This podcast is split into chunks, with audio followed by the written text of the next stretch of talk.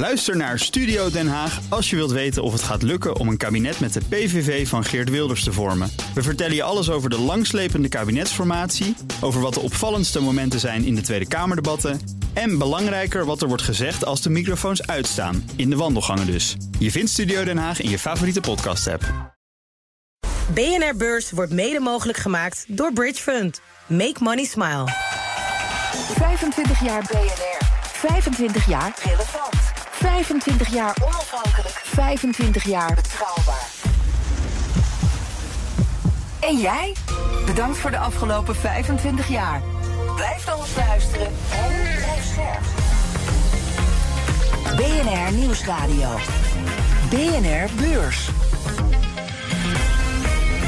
Wesley Weerts, Jelle Maasbach. Goed dat je luistert. Het is bijna weekend nog even volhouden. Om je door het laatste deel van die werkweek heen te trekken, hebben we een nieuwe aflevering van BNR Beurs voor je.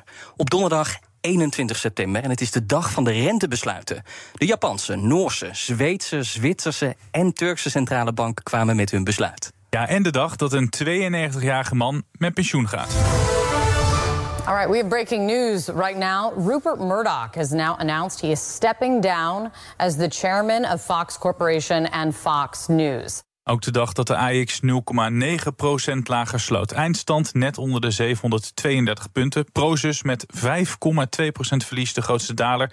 En om deze knotsgekke beursdag door te nemen... is hier Jordi Beuving van de aandeelhouder. Straks hebben we het over de belangrijkste centrale bankier van de wereld, Jerome Powell. De baas van de Fed die denkt nog lang niet aan het afbouwen van de rente. The worst thing we can do is to fail to restore price stability because the record is clear on that. If you, you don't restore price stability, inflation comes back and it'll affect growth, it'll affect all kinds of things. It can be a miserable period to have inflation constantly coming back and the Fed coming in and having to tighten again and again. Nou, dat zo maar eerst. Ander nieuws, Jelle. Er wordt, eh, als het goed is, vandaag een akkoord bereikt tussen de filmstudio's en de scriptschrijvers. Eindelijk kan je wel zeggen, want uh, al sinds mei wordt er gestaakt in Hollywood. Schrijvers, maar ook acteurs, die maken zich grote zorgen over de opkomst van AI. Zij denken dat uh, kunstmatige intelligentie ze werk gaat kosten. Maar ook willen ze een betere vergoeding en geld voor herhalingen. Nou, over dat financiële plaatje lijkt er nu wel een doorbraak te zijn, melden Amerikaanse media. Dat zouden de filmstudio's wel willen doen. Dat is ook logisch, want het kost echt bakken met geld. Veel films, denk aan de nieuwe Mission Impossible film die ik graag wil zien. Die zou volgend jaar in de bioscoop moeten draaien. Nou, dat wordt niet gedraaid. Series worden niet opgenomen. Dat lijkt nu dus allemaal beter te worden. Maar over dat kunstmatige intelligentie, daar lees ik dan niks over. Jordi, denk jij eh, dat AI ook uh, ja, die filmindustrie gaat overnemen... zoals waar die uh, acteurs over vrezen? Ja, ik denk dat de zorgen van de acteurs zeker terecht zijn. Eh, je ziet dit jaar al meerdere films die zijn gewoon compleet gemaakt met AI. En dan heb ik het over films van 20 minuten, maar ook films van 60 minuten. Mm ja, wil nog niet zeggen dat die dan ook echt zo goed zijn als met uh, echte acteurs, uiteraard. Alleen, uh, ja, dat gaat zich natuurlijk wel doorontwikkelen. Uh, kijk, er zijn wel echt onderscheiden in wat AI wel kan en niet kan. En met name ja, de nuance, het creatieve gedeelte, ja, dat is gewoon lastig. Dat is natuurlijk waar de menselijke edge zeg maar, zit. Alleen, wat er bijvoorbeeld ook is, kijk, zo'n acteur die geeft akkoord voor zijn auteursrechten die komt in zo'n film. Alleen als je op een gegeven moment aan een AI 100 films geeft, ja, uh, wat krijgt die acteur er dan nog van? Hè? Dat is een beetje waar we mee zitten. En dan denk je van ja, dat, dat kan allemaal niet, dat kan allemaal niet. Maar stel je voor een schilder, die maakt 100 hele mooie schilderijen dan kan AI nummer 101 maken. En dan weet jij echt niet dat hij die van die schilder komt. Ja, zo zit het met een film in principe natuurlijk ook gewoon. Uh, dus ik snap de zorg echt wel. En wat het een beetje is, de tech gaat sneller dan de regelgeving. Dus ja, er moet duidelijkheid komen. Alleen het is gewoon zo lastig met tech om dat te reguleren. Dat uh, ja, ze nu aan de bel trekken. Wat anders, want na drie kwart eeuw verdwijnt Toshiba van de beurs. En het bedrijf dat bestaat trouwens al sinds 1875. En het schrappen van die beursnotering gebeurt mogelijk al in december, eind dit jaar dus. Het Japanse conglomeraat komt dan helemaal in handen van een private partij. Die bezit nu al bijna 80% van de aandelen.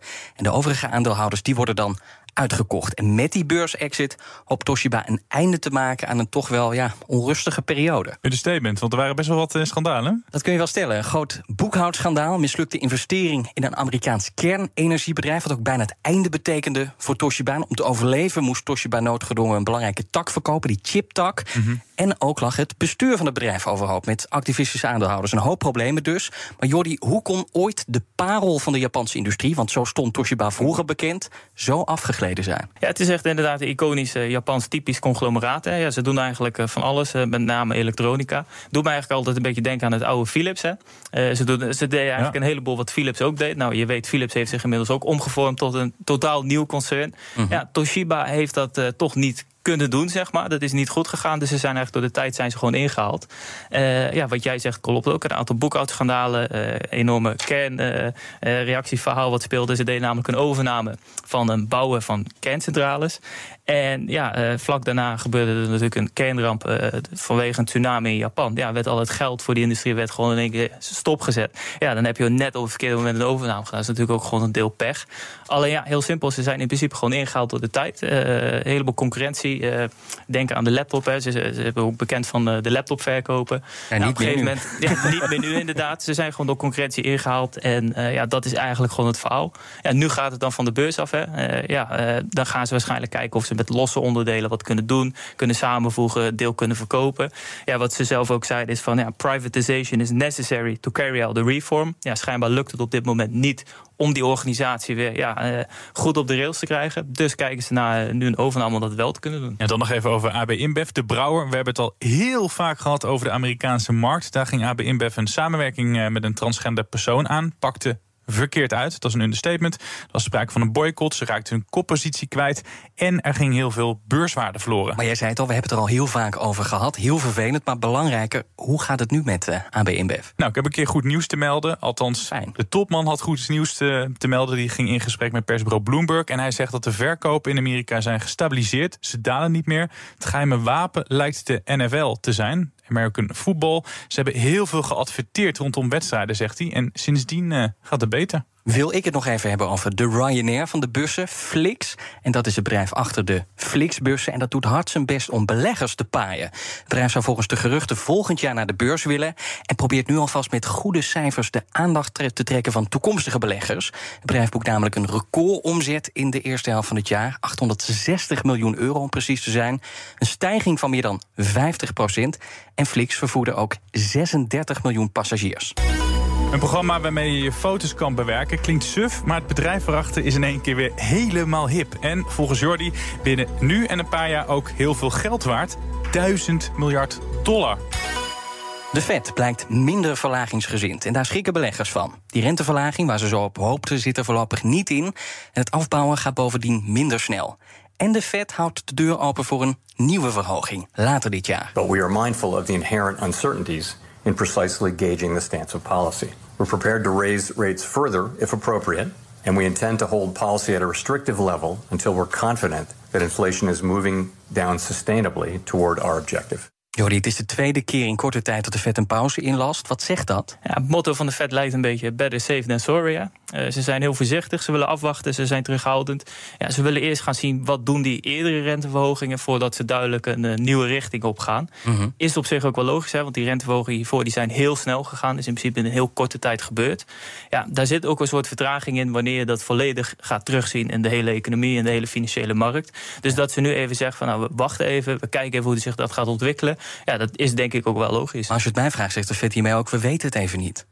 Ja, we weten het even niet. Kijk, de Fed heeft natuurlijk een uh, data-driven approach. Hè. Ze gaan op basis van data van de economie, inflatie, uh, banencijfers. Ja, kijken ze elke keer gewoon keer per keer hoe staat het er nu voor. En daarover gaan ze dan uh, ja, met elkaar discussiëren van ja, wat is nu de beste stap. dat is hoe ze het aanpakken. Ja, Wesley liet net dat fragmentje van John Powell horen. En daarin hoor je hem echt de deur open houden voor die mogelijke renteverhoging. Denk je ook echt dat die rente dit jaar nog omhoog gaat? Ja, ze lijken gewoon een troef in de hand te willen houden van om nog een keer dat kwartje erbij te doen. In wezen maakt het in principe ook weer niet heel veel uit. Een kwartje erbij of minder of niet. Uh, uh, het lijkt meer een beetje symbolisch van we willen er toch echt nog één achter de hand houden. Nou, twaalf bestuurders van de FED die zeggen ook van uh, ja, wij rekenen nog wel op één verhoging dit jaar. Nou, zeven die zeggen nou wij denken eigenlijk dat het genoeg is. Alleen ja, ze willen het gewoon nog even afwachten. Het lijkt toch dat ze ja, wat conservatief zijn.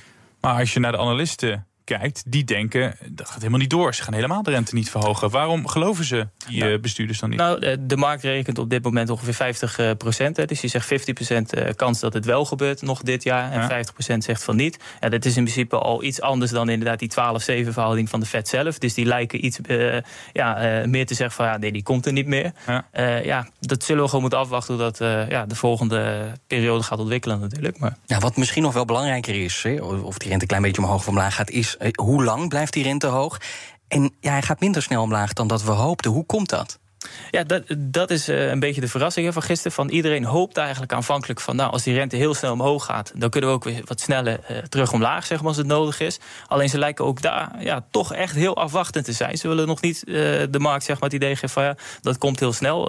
dat kan echt nog wel langer gaan duren voordat het, ja, voordat het zover is. Ze maar, willen niet... maar waarom? Want het is niet om beleggers te pesten dat ze dit nee, doen. Ja, ik denk dat ze niet de fout willen maken om dat te snel te doen. Hè? Want kijk, als je dat eenmaal gedaan hebt there's no way back, zeg maar, om het te zeggen. Je kan niet gaan verlagen en dan als het dan een maand later weer uh, ja, toch niet zo gaat als gehoopt, dan weer gaan verhogen. Dat is natuurlijk niet consistent. Dat lijkt een beetje het uh, verhaal te zijn. Ja, laten we de verschillende scenario's uh, doorlopen. Stel, die rente die blijft lang op dit niveau, of stijgt een beetje, dat kwartje waar jij net over had.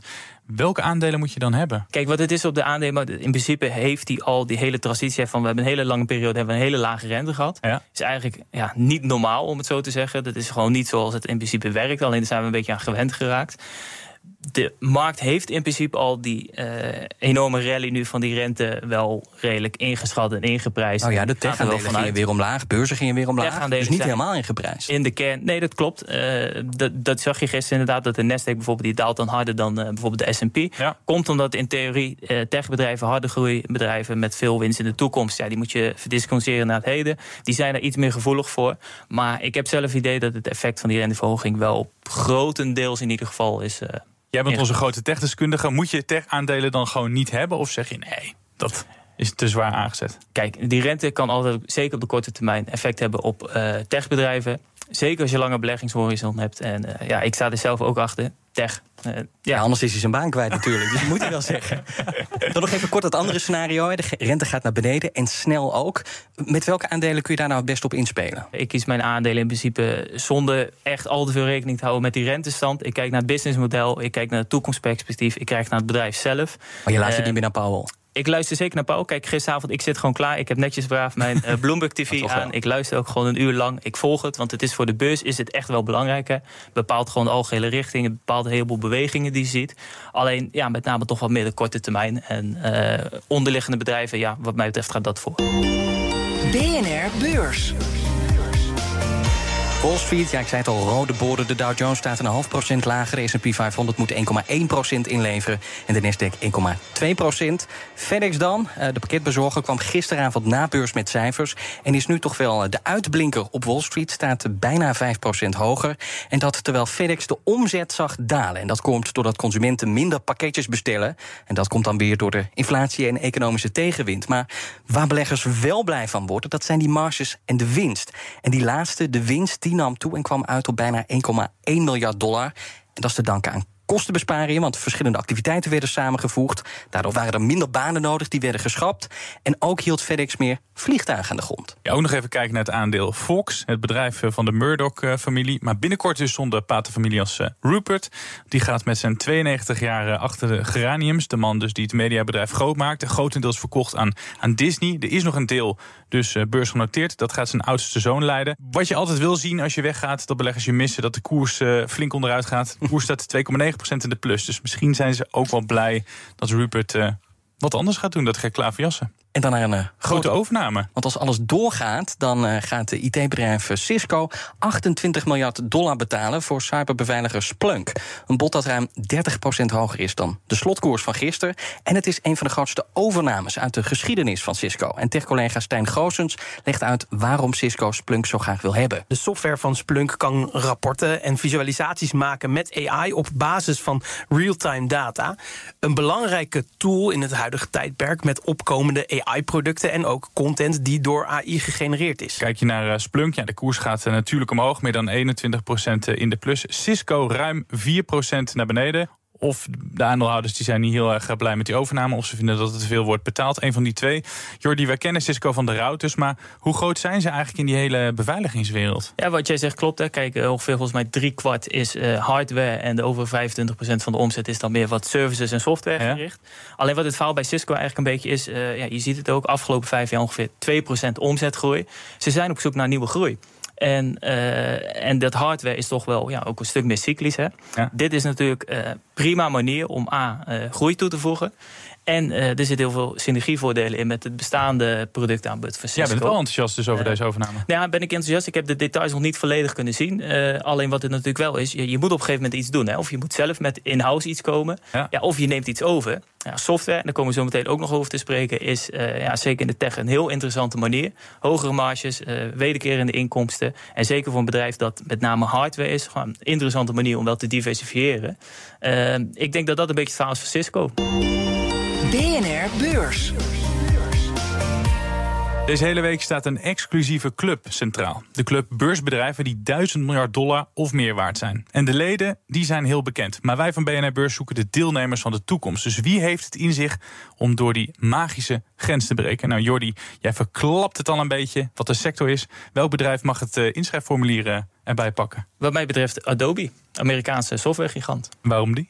Waarom die? Nou, uh, de vraag is natuurlijk uh, welk bedrijf komt als eerste in dat rijtje met die andere grote techbedrijven. Ja. En er zijn eigenlijk een paar dingen die al die grote techbedrijven gemeen hebben. En één is, het zijn allemaal techbedrijven. Dat klinkt heel flauw, maar uh, een staalbedrijf zit er niet tussen, bij wijze van spreken. Tweede is, het is allemaal hele hoge marges. Ja. Bruto marges zijn heel hoog. Uh, netto winstmarges zijn hoog. Hoge vrije kaststroom. Hè. Geeft eigenlijk ook kracht van het businessmodel aan. Drie, er zit een operationele hefboom in. En wat betekent dat nou? Uh, als jij met uh, je omzet 10% groeit... en dan nog een keer 10% en nog een keer 10%... je winst groeit veel harder. Uh, hoe komt dat nou? ja, je zit met vaste kosten. Stel, Adobe maakt software. Of ze het nou 10 keer of 100 keer verkopen... ze hoeven het maar één keer te maken. Ja. Dus daar zit die hefboom in. Nou, dat is bij al die techbedrijven voor een heel groot gedeelte... zit die hefboom erin. Ja, het zijn een soort geldmachines. Hè. Uh, ze printen echt gewoon cash. Letterlijk en figuurlijk. Microsoft, Alphabet. Ja. uh, het is allemaal hetzelfde.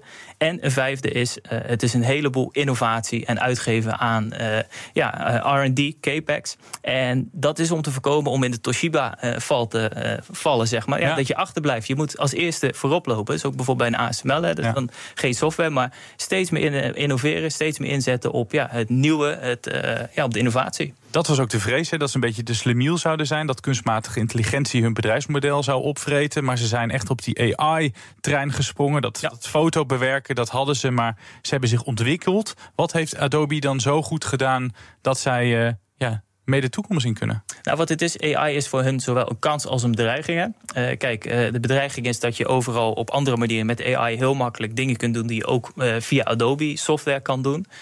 Het is een kans in die zin van ze integreren het als een van de eerste in een bestaande productaanbod. Dus je hebt bijvoorbeeld Adobe Firefly. Hè? Nou, dan heb ik een foto van jullie hier in de BNR-studio. Eén druk op de knop en dan zitten jullie op Ibiza. Of in de NPO-studio of, opeens. Of in de NPO-studio. Maakt niet uit waar, je kan het zo gek niet verzinnen. Uh, dus ze zijn eigenlijk als een van de eerste al gewoon aan de slag gegaan om dat te integreren in een bestaande software. En ja, ze hebben zo'n sterk ecosysteem. Als je op Wikipedia intikt het uh, aantal software wat uh, Adobe heeft, daar is gewoon een hele Wikipedia-pagina voor. Ze hebben echt enorm veel. Ja, ik denk dat, dat, dat de kansen groter zijn dan de risico's. Maar Jordi, op wat voor manier levert ze dat extra gebruikers op? Want Adobe, hè, hun software wordt gebruikt door professionals ja, die maakten al gebruik van die software. Dus hoe levert AI ze extra klanten, dus meer omzet en uiteindelijk meer winst op? Nou, wat je ziet ook als je naar de investor-lezenspagina kijkt, kijk, uh, hoe de bedrijven naar kijken. Dus je hebt één klant, dan hou je 10 euro omzet uit. Nou, op een gegeven moment ga je uh, meer softwarepakketten aan dezelfde klant verkopen. En een deel is ook natuurlijk elk jaar, wordt het gedeelte dat aan abonnementsgeld binnenkomt, wordt steeds groter. dat groeit echt gewoon enorm stabiel. Dus elk jaar ja, weet jij je pakket opnieuw te verkopen.